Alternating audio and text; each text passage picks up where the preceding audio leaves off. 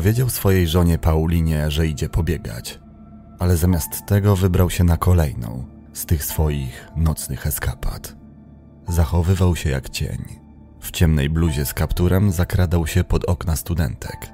Tak cicho i bezszelestnie, że jego obecność z łatwością można było przeoczyć. Gdy na nie patrzył, jego podniecenie rosło.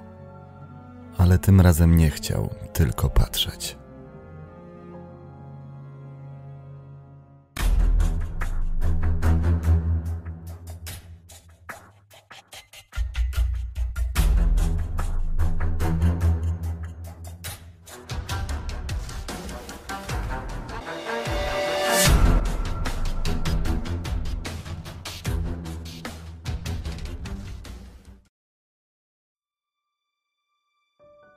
Grudzień to niewątpliwie miesiąc zakupów. Już lada dzień będą Mikołajki, a zaraz po nich święta Bożego Narodzenia. Jeżeli nie macie jeszcze prezentów dla swoich bliskich, to chyba najwyższa pora, by to zrobić. I to oczywiście tak, by nie przepłacać. Korzystając z aplikacji Letyshops, która jest partnerem dzisiejszego odcinka, możecie sporo zaoszczędzić. Od kilku do nawet kilkudziesięciu procent wartości waszego koszyka.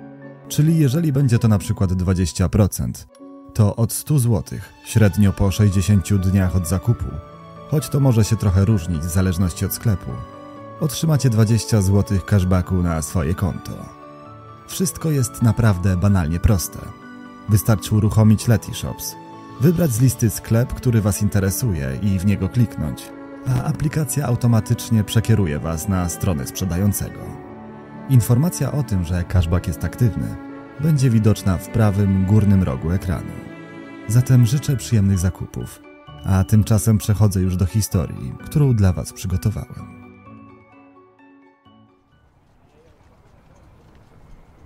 Hull, 31 stycznia 2019 roku, czwartek. Hull to znane portowe miasto w Anglii, położone w północno-wschodniej jej części, nad rzeką Hull. Znane m.in. za sprawą licznych muzeów, galerii sztuki, a także słynnego uniwersytetu. To właśnie na nim studiowała 21-letnia Libi, która tego czwartkowego wieczoru umówiła się z przyjaciółmi na imprezę. Dziewczyna studiowała filozofię na drugim roku, ale nie pochodziła z tego miasta. Urodziła się w High Wycombe w Buckinghamshire, gdzie mieszkała z rodzicami i młodszym rodzeństwem. Była opiekuńcza i rodzinna. Uwielbiała spędzać czas w domu i doskonale spełniała się w roli starszej siostry. Była dumna, gdy mogła być dla całej trójki wzorem. Cieszyło ją, gdy z zaangażowaniem brali udział we wszystkich wymyślonych przez nią zabawach. A tych było wiele, bo dziewczyna była bardzo kreatywna. Od zawsze dobrze się uczyła, ale gdy dotarła do ostatniej klasy i stanęła przed maturą, coś w niej pękło. Bardzo się nią stresowała. Obawiała się, że nie zda, że nie dostanie się na wymarzone studia, że nie zostanie dziennikarką i nie będzie się mogła realizować jako aktywistka. Popadała w coraz to gorszy nastrój. Nocami nie mogła spać i miała lęki. Jej mama Lisa, obawiając się o jej stan, szukała pomocy u psychiatry. Przypisane leki zaczęły działać, tak więc Libi szybko stanęła na nogi.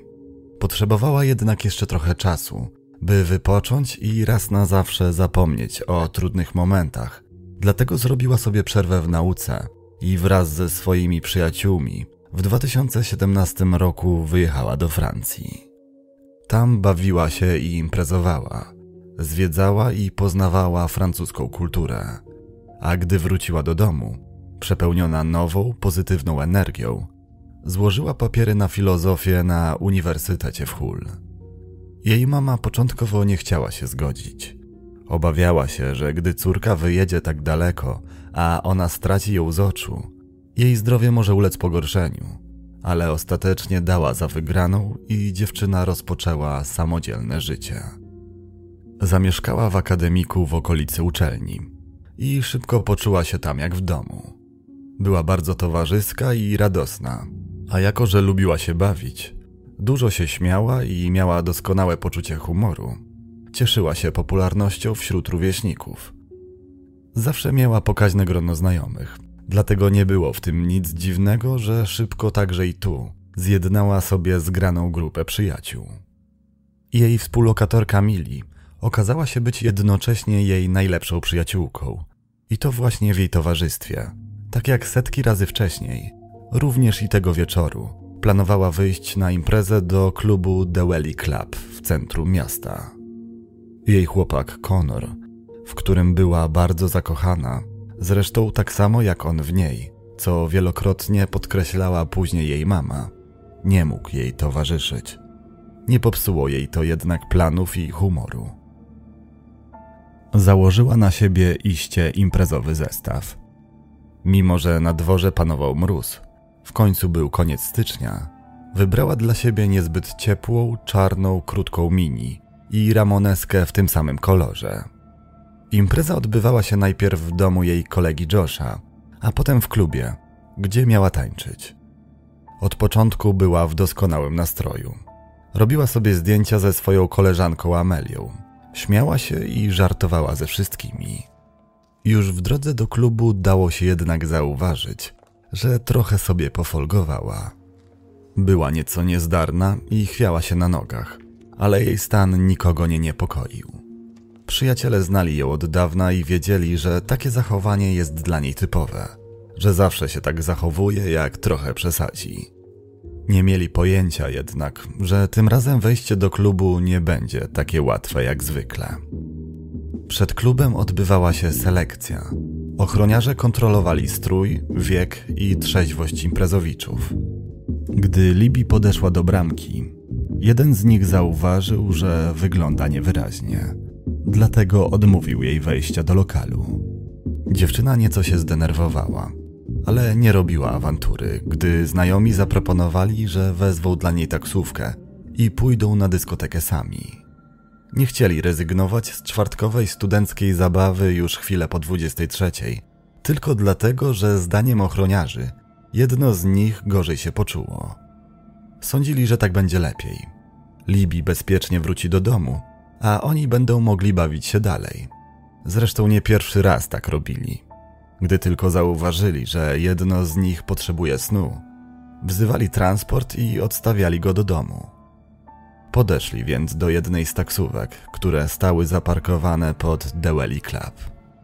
Jedna z dziewczyn zapytała kierowcy, czy weźmie jej koleżankę, a on się zgodził. Dała mu więc pieniądze i podała adres domu studenckiego przy Wesley Avenue. Mili przytuliła ją wtedy do siebie, by trochę ją ogrzać, a następnie odprowadziła na miejsce pasażera. Zaraz potem wraz z innymi zniknęła za drzwiami dyskoteki, a Libi odjechała. Taksówkarz, tak jak obiecał, podrzucił dziewczynę we wskazane miejsce dokładnie o 23.29. Wspominał później, że studentka wyglądała na wściekłą, zapewne na ochroniarza, który kilka minut wcześniej zabronił jej wejścia do klubu. Gdy zaparkowali, Libi wyszła z auta trochę się chwiejąc i skierowała się w kierunku akademika. Libi z jakiegoś powodu jednak nie weszła do środka. Odeszła kawałek dalej i około 23.39 upadła na śnieg tuż przy krawężniku. Kilka osób, zdziwionych niecodzienną sytuacją, zapytało ją, czy potrzebuje pomocy, ale ona konsekwentnie odmawiała. Potem wstała i poszła się przejść. Zniknęła z oczu miejskiej kamery około 23.45. Zdaniem świadków przewróciła się jeszcze kilka razy, zanim usiadła na ławce w okolicy przystanka, na rogu Beverly Road i Howard Street, dokładnie w miejscu, które wam właśnie pokazuję na ekranie. Odpoczęła na niej trochę, ale po kilku minutach wstała i poszła dalej. Wtedy ponownie znalazła się w zasięgu kamery. Gdy szła chodnikiem, podszedł do niej jakiś mężczyzna, który zaparkował nieopodal. Szli obok siebie, a zaraz po północy wsiedli do jego auta. Od tamtej pory nikt jej już nie widział. W tym punkcie można sobie zadać pytanie: dlaczego trzęsąca się z zimna Libii, która miała ponoć potłuczone kolana od upadków i była w nie najlepszym stanie, nie zadzwoniła po pomoc. Nie odezwała się ani do swojej matki, ani ojca. Odpowiedź jest prosta. Otóż Libi nie miała ze sobą komórki. Miała taki zwyczaj, że nie brała jej ze sobą na imprezy z obawy, że ją zgubi, bo z tego co opowiadała później jej matka, Libi notorycznie gubiła telefony. Nic więc dziwnego, że aż do następnego dnia nikt nie miał pojęcia o tym, że dziewczyny nie ma w domu. Kiedy nad ranem jej współlokatorka Mili wróciła z dyskoteki, zobaczyła, że łóżko Libi jest puste, że najwyraźniej nie wróciła do akademika. Natychmiast zadzwoniła wtedy do jej mamy. A gdy dowiedziała się, że Libi nie odezwała się od wczoraj także do niej, na jej prośbę skontaktowała się z firmą taksówkarską, która ją wiozła. Dowiedziała się wtedy, że dziewczyna została odwieziona we wskazane miejsce. Mili postanowiła dać Libii jeszcze godzinę, by sprawdzić, czy pojawi się na długo wyczekiwanym przez nią wykładzie. Ale gdy na niego nie przyszła, była już niemal pewna, że coś musiało się stać. Zadzwoniła wtedy na policję, by zgłosić zaginięcie. W międzyczasie do Hul przyjechali też rodzice Libii.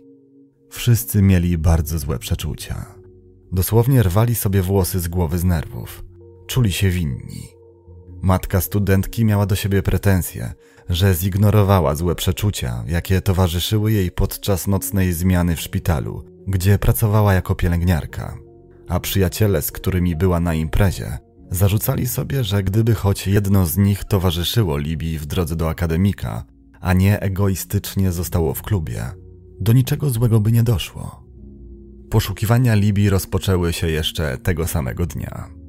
Obawiano się, że może w trakcie nocnej wędrówki gdzieś się zgubiła, może zasłabła, albo co gorsza, stało jej się coś złego. Wszyscy mieli jednak nadzieję, że wróci. Przetrząsanie okolic akademika, mimo że obszar poszukiwań był naprawdę obszerny, nie przyniosło żadnych efektów. Zatroskani rodzice dziewczyny, Lisa i Ross, postanowili zrobić wszystko, by odnaleźć swoją Paj, jak ją nazywali. Dlatego 4 lutego zdecydowali się wystąpić w telewizji. Zaapelowali o pomoc. Prosili o wszelkie informacje, nawet te wydawać by się mogło najmniej ważne. Pod koniec tego wzruszającego wystąpienia, matka Libii, niemal płacząc, zwróciła się bezpośrednio do córki. Jeśli gdzieś tam jesteś i to oglądasz, daj nam jakiś znak. Chcemy wiedzieć, że jesteś bezpieczna. Bardzo cię kochamy i nieprawdopodobnie za tobą tęsknimy. Apel rodziców, choć rozdzierający serce, nie wniósł wiele. Przez kolejne dni w sprawie Libii nie doszło do żadnego przełomu. Ekipy poszukiwawcze wciąż przeczesywały okoliczne tereny, Teraz już nie tylko w okolicach akademika i ławki, na której siedziała, ale także na obszarze boisk, parków, terenów zielonych i zbiorników wodnych. Wolontariusze niestrudzenie rozdawali ulotki, a policjanci zainstalowali wielkie cyfrowe billboardy z jej podobizną. W poszukiwania Libii zaangażowała się także społeczność studencka. Ponad 200-osobowa grupa, złożona ze studentów i pracowników Uniwersytetów Hull, zebrała się w jednym miejscu, by okazać wsparcie. W międzyczasie detektywi sprawdzali miejski monitoring. Po dokładnym przejrzeniu nagrań, wreszcie udało im się ustalić coś konkretnego. Na jednym z filmów dostrzegli tajemniczego mężczyznę, który kręcił się po okolicy. Przez kilka godzin objeżdżał miasto swoim samochodem, srebrnym Vauxhallem Astrą. Aż wreszcie, tuż przed północą, zaparkował w okolicy ławki, na której siedziała Libii. Mniej więcej wtedy, gdy widziano ją po raz ostatni. Podszedł do niej i rozmawiał z nią przez kilka chwil. Następnie pomógł jej usiąść na miejscu pasażera. Wsiadł za kółko i odjechał. Kamery uchwyciły go potem raz jeszcze, ale już znacznie później, o 3.05, kilka kilometrów dalej na Newland Avenue. Ale nie było z nim Libii. Był sam. Policjanci, przeglądając to nagranie w kółko przez wiele godzin, rozgorzali nadzieją na to, że mają podejrzanego. Bo choć z tego, co mówili świadkowie, Libi wcześniej odmawiała przechodniom, którzy proponowali jej pomoc.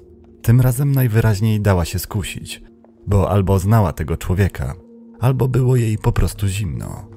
Jak wiadomo, procenty potrafią bardzo skutecznie rozgrzać, ale tej nocy temperatura była naprawdę bardzo niska.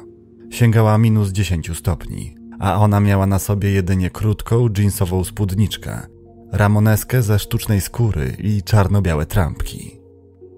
6 lutego 2019 roku mężczyznę z nagrań zlokalizowano. Jego mieszkanie przeszukano, a jego samego natychmiast aresztowano.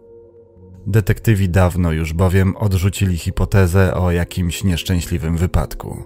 Obawiali się najgorszego. Kiedy podejrzany siedział już w policyjnym samochodzie, a śledczy przedstawił mu zarzuty, in Hull on Friday, the 1st of February 2019. Muszę pana poinformować, że zostaje pan oskarżony w tej chwili za nie dowierzał i był w szoku. Z kpiącym, szyderczym wręcz uśmiechem na ustach odpowiadał na pytania za pośrednictwem tłumaczki. Stanowczo zaprzeczał, by wiedział coś na temat zaginięcia Libii. To niemożliwe. Ja nic nie zrobiłem. To jest w stu procentach. Ja nigdy nie skrzywdziłbym człowieka, mówił, a na jego twarzy dało się dostrzec zadrapania. Chwilę później został przewieziony na komisariat, gdzie jednak wciąż uparcie zaprzeczał, by zrobił coś Libii. Nie mógł jednak zaprzeczyć dowodom. Nagrania z kamer ewidentnie wskazywały przecież na to, że widział tej nocy Libii. Przyznał, że dziewczyna zaczepiła go, gdy szedł ulicą. Zawołała: Hej ty! A on odpowiedział, co słychać. Powiedziała, że chce wrócić do domu, do mamy, że zgubiła klucze.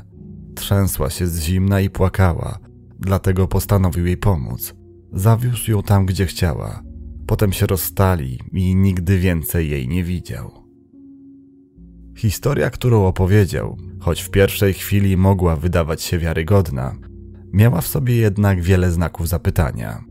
Żadna z kamer nie uchwyciła bowiem momentu, w którym Libii opuszczałaby samochód Pawła. Bo mężczyzną, którego aresztowano 6 lutego 2019 roku, był 25-letni Paweł.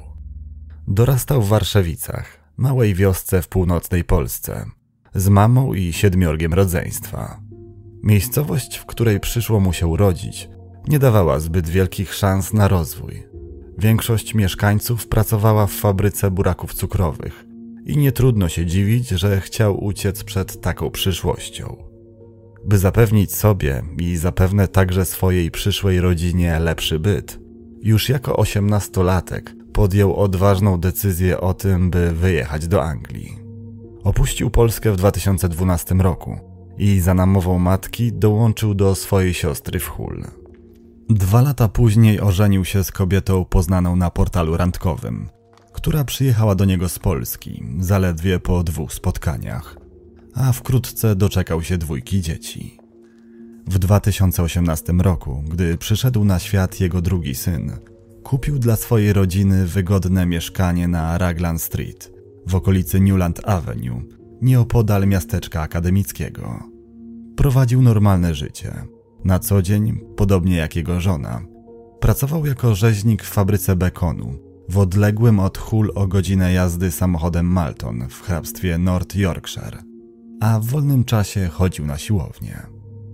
Lubił piec ciasta, oglądać hokej. Od czasu do czasu grał w piłkę nożną na pozycji bramkarza i wyjeżdżał na ryby. Był bardzo religijny i rodzinny. Na Facebooku bardzo często publikował zdjęcia swoich bliskich, a także swojego trenera z siłowni, który najwyraźniej był jednocześnie jego przyjacielem. Sąsiedzi mieli o nim jak najlepsze zdanie. Określali go mianem człowieka niezwykle pracowitego i oddanego rodzinie. Na pierwszy rzut oka Paweł wydawał się więc być przykładnym obywatelem, do którego trudno się przyczepić. Był płacącym podatki, ciężko pracującym, dumnym ojcem i mężem. Ale jego zachowanie w chwili zatrzymania, te jego dziwne grymasy i uśmieszki, gdy mówiło się przecież o rzeczach poważnych i niezwykle smutnych, sprawiały, że ludzie, którzy przebywali w jego otoczeniu, odnosili wrażenie, że kłamie, że coś ukrywa, że nie jest do końca z detektywami szczery.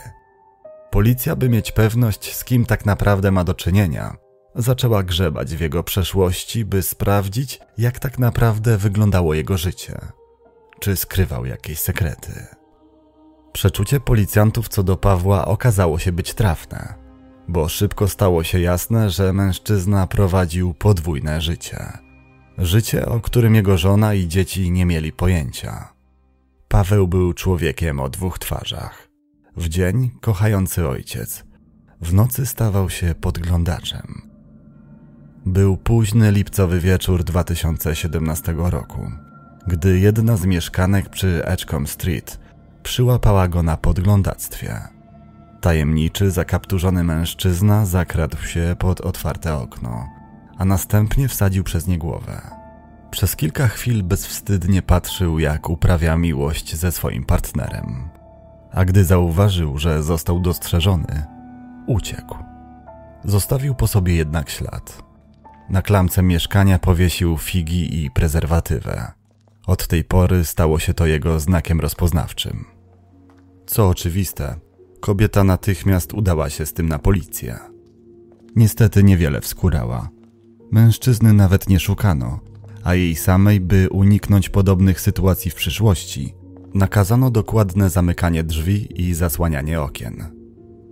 Bezkarny Paweł już kilka dni później ponownie ruszył w miasto. Włamał się wtedy do mieszkania pewnej studentki, skąd ukradł jej kilka bardzo osobistych rzeczy, innymi zabawki dla dorosłych, bieliznę i prywatne zdjęcia. Niewykluczone, że wcześniej także obserwował ją przez okno. Ta kobieta również nie zignorowała wtargnięcia. Tak jak jej poprzedniczka, zgłosiła się na komisariat i opowiedziała o dziwnym zdarzeniu. Dochodzenie rozpoczęto, ale że na miejscu nie znaleziono żadnych dowodów i odcisków palców, sprawę szybko umorzono. Dopiero po zaginięciu Libii, gdy przeszukano samochód Pawła, wyszło na jaw, że podglądaczem i złodziejem, którego raportowały w 2017 roku kobiety, był właśnie on. W bagażniku jego auta znajdowała się bowiem różowa podróżna torba, a w niej osobliwe przedmioty. Damska bielizna, zdjęcia kobiet i zabawki dla dorosłych. Jak okazało się wkrótce, były wśród nich rzeczy, które zginęły podczas włamania na Chester Avenue. Informacje, jakie zebrano, choć były zaskakujące i szokujące, nie wniosły do sprawy Libii wiele. Zasługiwały natomiast na osobne śledztwo, które rozpoczęto od razu. Na przełom w sprawie Libii trzeba było jeszcze trochę poczekać. Oczekiwanie to trwało prawie 7 tygodni. 20 marca 2019 roku. Okolice rzeki Humber. Poszukiwania Libii przeniosły się na podmokły teren wokół rzeki Humber. Od wczesnego ranka ponad stu policjantów i wolontariuszy z nieodległych miejscowości, pieszo w łódkach i kajakach, sprawdzało okolice, a nurkowie badali dno. Początkowo przeczesywanie tego obszaru nie przyniosło żadnych rezultatów, ale po południu jedna z łódek natrafiła na ciało. Znajdowało się tuż przy ujściu rzeki, u wybrzeży Clitorps, 32 km od stacji kolejowej zwanej Grimsby Docks. Tożsamość Libii potwierdzono już następnego dnia za sprawą odcisków palców. Rodzina i przyjaciele 21-latki po otrzymaniu tej szokującej wiadomości pogrążyli się w rozpaczy. Gdy poszukiwania dobiegły końca, zaczęto szukać odpowiedzi na to, co jej się stało. Całą nadzieję pokładano w lekarzach, ale i oni nie potrafili na to pytanie jednoznacznie odpowiedzieć, bo dziewczyna za długo znajdowała się w wodzie. 25 marca rozpoczęto dochodzenie. Paweł wciąż pozostawał głównym podejrzanym. Dlaczego pan się uśmiecha? em, Bez komentarza. dziwnie. No comment. Dlaczego nie powiedziałeś nam wcześniej, że ze sobą spaliście? Czyżbyś zrobił to wbrew jej woli? Świadek słyszał w nocy kobiece krzyki, dochodzące z terenu pobliskiego boiska. Pytał śledczy po tym, jak otrzymał już wyniki badań DNA z ciała Libii. Wiedział, że materiał genetyczny pasuje do zatrzymanego. Paweł nie zaprzeczył. Zmienił jednak wcześniejszą wersję wydarzeń. Dość niechętnie przyznał, że owszem, kłamał, mówiąc, że nie doszło między nimi do stosunku, ale bał się, że jego żona dowie się o zdradzie. Prawda była taka, że tej nocy jeździł ulicami Hull, by się zabawić. A Libi była chętna, dlatego skorzystał. Wszystko odbyło się jednak za obopólną zgodą. Zostawił ją później całą i zdrową na boisku przy Oak Road i wrócił do domu. Na pytanie, dlaczego więc o 24.14 słyszano krzyki, a kilka minut później świadek widział wyłaniającego się z ciemności mężczyznę, odpowiedział zimno. Krzyczała, bo nie chciała, żebym ją tam zostawiał. Detektywi jednak nie dali się zwieść. Paweł mówiąc o Libii nie okazywał żadnej skruchy, żadnego smutku, żalu, przejęcia jej losem. Zamiast tego na jego twarzy od czasu do czasu dało się zauważyć ten triumfujący i jednocześnie kpiący uśmieszek, który po raz pierwszy zauważono w dniu zatrzymania. Zapytany o to, dlaczego się uśmiecha, odpowiedział tylko, bez komentarza. Gdy sprawa ekscentrycznego Pawła, który obserwował dziewczyny przez okna, obiegła media, na komisariat zaczęły masowo zgłaszać się studentki, które w ciągu ostatnich 18 miesięcy również padły jego ofiarą. Do jednej z nich Paweł zakradł się w nocy 16 lutego 2018 roku. Dziewczyna wychodziła właśnie spod prysznica i kładła się do łóżka, gdy odniosła nieodparte wrażenie, że ktoś ją obserwuje. Spojrzała wtedy w okno i zobaczyła w nim mężczyznę. Patrzył jej prosto w oczy i nawet się nie speszył. Uciekł dopiero, gdy zaczęła krzyczeć. Podobnych zeznań było o wiele więcej. Jesteśmy bardzo zawiedzione, że już po pierwszym zajściu nie został skazany, że nikt nas o tym nie poinformował, że przez tyle miesięcy żyłyśmy bez świadomości, że ktoś nas obserwuje. Przecież mogło być nas setki, a może i tysiące. Gdybyśmy wiedziały, wychodziłybyśmy z domu w grupach, mówiły zbulwersowane mieszkanki miasteczka akademickiego. Paweł zachowywał się jak cień. W ciemnej bluzie z kapturem zakradał się pod okna studentek nocą. Tak cicho i bezszelestnie, że jego obecność z łatwością można było przeoczyć. Gdy na nie patrzył, podniecenie rosło. Czasem jednak samo patrzenie nie wystarczało. Włamywał się wtedy do kobiecych mieszkań, by zabrać ze sobą jakieś trofeum. Czasem była to bielizna, czasem zdjęcie, a czasem lubrykant. Bywały jednak chwile, gdy i to nie dawało mu odpowiedniej stymulacji. Wtedy wychodził na ulicę i się obnażał. Nie obawiał się, że ktoś go zobaczy, wręcz przeciwnie. Czuł ekscytację, gdy widział zaszokowane twarze, przerażone miny. Najbardziej przerażające jest w tym wszystkim to, że wiele z kobiet mieszkających w okolicy, na której grasował Paweł, zapewne nie ma zielonego pojęcia o tym, że i one były podglądane. Ale te, które miały nieprzyjemność go nakryć i stanąć z nim oko w oko, do dziś nie potrafią o tym zapomnieć. Jedna ze studentek po spotkaniu z Pawłem przez wiele miesięcy nie mogła wrócić do siebie. Wymieniła zamki. Bała się zostawać w domu sama, a gdy spała, zamykała drzwi na klucz i nie wychodziła nawet do toalety. W latach 2017-2019 na policję zgłosiło się w sumie dziewięć kobiet, które doświadczyły podobnych przeżyć.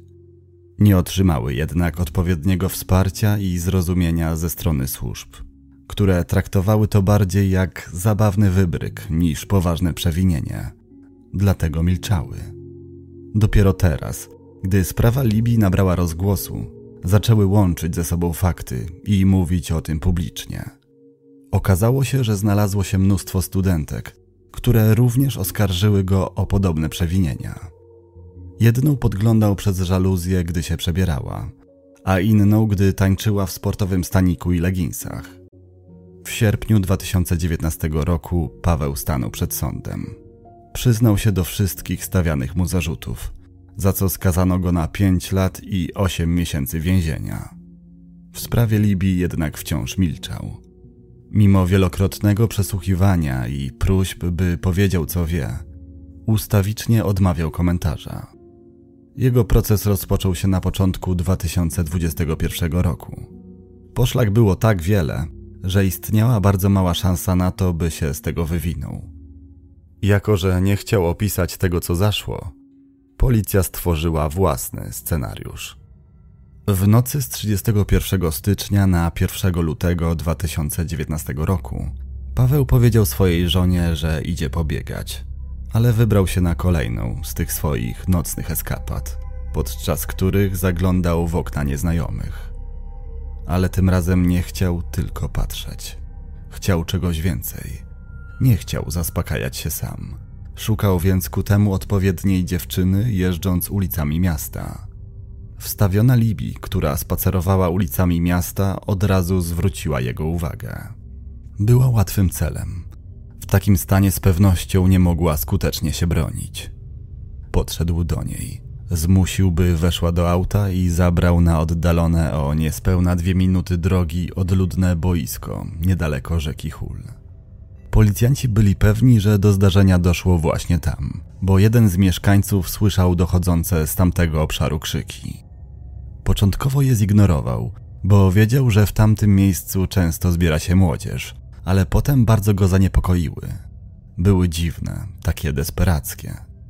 Podszedł wtedy do okna i zobaczył mężczyznę, który uciekał właśnie z terenu boisk i kierował się w stronę Oak Road. Paweł doskonale znał to miejsce. Obserwował je kilka godzin wcześniej ze swojego drona, co nagrały kamery. Gdy dał upust swoim rządzom, pozbył się Libii. Wrzucił ją do wody, licząc na to, że nikt jej nigdy nie znajdzie, że zniknie w czeluściach morza, gdy wpadnie do niego wraz ze strumieniem rzeki. Wciąż jednak był głodny wrażeń. Chciał ponownie poczuć ten dreszcz emocji. Dlatego jeszcze tej samej nocy udał się w okolice akademików, by kontynuować to, co zaczął. Podglądał kobiety, robił sobie dobrze, a następnie około trzeciej w nocy wrócił do domu i włączył sobie filmy dla dorosłych. W lutym 2021 roku sąd skazał Pawła na dożywocie z możliwością warunkowego zwolnienia po 27 latach. Ława przysięgłych nie dała się zwieść jego zapewnieniom o niewinności. Żona Pawła podobnie jak jego znajomi i współpracownicy, zdawała się nie mieć pojęcia o nocnym życiu męża. Z tego, co mówiła jednej z gazet jej teściowa, był religijnym człowiekiem, który szanował kobiety, a jego małżonka nigdy się na niego nie skarżyła, choć rozmawiały ze sobą codziennie. Kobieta jednak nie została w hul, by wspierać męża. Zaraz po jego aresztowaniu sprzedała dom i wróciła z dziećmi do Polski. Nie wiadomo, na ile prawdziwe są zeznania sąsiadów, którzy zeznali, że Paweł traktował ją jak psa. Nie pozwalał mieć przyjaciół i stale na nią krzyczał. Poza tym znikał z domu na długie godziny, ciesząc się, że żona podejrzewa go o romanse. Siostra Pawła natomiast do ostatnich chwil wierzyła w jego niewinność. Wychowano nas na dobrych ludzi, mówiła dla The Telegraph. Przyjaciele mężczyzny, podobnie jak jego bliscy, byli w szoku, gdy dowiedzieli się o tym, co zrobił. Wyglądał jak każdy normalny facet. Nie przypuszczaliśmy, że był zdolny do takich rzeczy. Był kochającym mężem i ojcem, zawsze uśmiechniętym i miłym, przyjaznym, sympatycznym i towarzyskim kumplem, nie jakimś tam zdziwaczałym samotnikiem. Choć Paweł został uznany winnym i skazany na co najmniej 27 lat, do dziś nie przyznał się do winy. Nigdy też nie opisał tego, co zaszło. Ustalenia policji, choć bardzo logiczne i wiarygodne, wciąż są więc tylko domniemaniami, bo nie uzyskały potwierdzenia od Pawła. A na to najbardziej liczą jej bliscy: mama, tata i troje rodzeństwa. To właśnie z tego powodu Lisa, matka Libii, w 2022 roku zdecydowała się spotkać twarzą w twarz ze sprawcą. On nie chce współpracować z policją, dlatego muszę, po prostu muszę spróbować się czegoś dowiedzieć. Nie daje mi to spokoju. Mówiła w jednym z wywiadów, tłumacząc powód złożenia wniosku o spotkanie z Pawłem. Wiele osób tego nie rozumie, ale ja go nie nienawidzę. Nie jestem na niego zła. Nie chcę mu też wybaczyć. Chcę po prostu uzyskać od niego informacje. Podejrzewa, że wie, jak doszło do tragedii, ale chce mieć całkowitą pewność. Jej zdaniem córka poszła na spacer, by uspokoić swoje nerwy po tym, jak odmówiono jej wejścia do klubu. Na swoje nieszczęście spotkała na swojej drodze Pawła, a on to wykorzystał. Namówił albo zmusił ją do tego, by wsiadła z nim do samochodu. A gdy to zrobiła, wywiózł na boisko. Jest tyle pytań, które chciałabym mu zadać, kontynuowała. Dlatego spotkanie z nim jest dla mnie tak ważne i będę bardzo wdzięczna, jeśli się na nim stawi. Wiem, że nie musi tego robić, bo nie ma z tego żadnych korzyści. Chciałabym wiedzieć, jaka była w ostatnich dwudziestu minutach jej życia. Czy była rozmowna, czy cicha, a przede wszystkim, czy płakała. Paweł zgodził się na spotkanie z Lisą, ale na początku listopada 2022 roku niespodziewanie wycofał się z tej decyzji, czym złamał jej serce. Mimo wszystko kobieta nie zamierza się poddawać i walczy dalej. Teraz już nie tylko o swoją córkę, ale także o córki i synów innych rodziców. 27 lat to za mało. Jestem przekonana, że jak Paweł wyjdzie na wolność, zrobi to ponownie. Będzie miał przecież wtedy niewiele ponad 50 lat, mówiła w jednym z wywiadów dla Sky News. Na początku 2022 roku spotkałam się z ówczesnym premierem, Borisem Johnsonem, by przedstawić mu swój punkt widzenia. Powiedziałam, że chcę, by nasze ulice były bezpieczniejsze, by każdy, kto odbiera życie, automatycznie i bezwzględnie otrzymywał dożywocie bez możliwości zwolnienia. A przewinienia niższego rzędu, zwłaszcza te bezkontaktowe, podlegały surowszej karze. Podglądacze powinni być zmuszani do leczenia zawczasu, a w trakcie terapii powinni nosić na stroju widoczne dla wszystkich plakietki z tą informacją. Odpowiedź, jaką Lisa otrzymała od władz, była druzgocąca. W więzieniach nie ma miejsc. To je zróbcie, dobudujcie, krzyczała, ale na nic się to nie zdało. Moja kochana Paj, mówiła Lisa ze wzruszeniem, używając jej domowego przezwiska. Chciałabym Ci podziękować za to, że wybrałaś mnie na swoją mamę. To był dla mnie zaszczyt, przywilej i ogromna radość. Chroniłam Cię przez całe Twoje życie, jak tylko mogłam. Dlatego jest mi strasznie przykro i smutno, że nie mogłam Cię ochronić także i tamtej nocy. Przepraszam. Bardzo Cię przepraszam. Libby Squire dnia 1 jest lutego niemożliwe. 2019 roku w Hull. It's impossible. To jest niemożliwe. Ja nic nie zrobiłem, to jest 100%. What I mean is it, I, I haven't done anything. Dziękuję za wysłuchanie tej przejmującej historii. Choć zwykle nie pozostawiam po sobie komentarza na końcu sprawy, tym razem chciałbym zrobić wyjątek, bo bardzo możliwe, że akurat tego zdarzenia dało się uniknąć. Być może gdyby wszystkie podglądane studentki zgłosiły te incydenty na policję, a zgłoszenia tych, które to zrobiły, zostały w odpowiednim czasie potraktowane serio, Paweł zostałby ujęty i ukarany. A nawet jeśli nie, to przynajmniej wiedziałby, że policja ma na niego oko. Może wtedy nie czułby się aż tak bezkarny i ostatecznie nie posunąłby się tak daleko. Osobiście uważam, że niezależnie od efektu, jaki osiągniemy, zawsze powinniśmy zgłaszać policji każde, nawet najmniejsze naruszenie naszej prywatności. Gdy tylko poczujemy, że ktoś przekracza nasze granice, nie tylko te fizyczne, że ktoś nas obserwuje, zagląda w okna, śledzi, musimy mówić o tym głośno. Dziękuję jeszcze raz i do usłyszenia wkrótce. Pozdrawiam.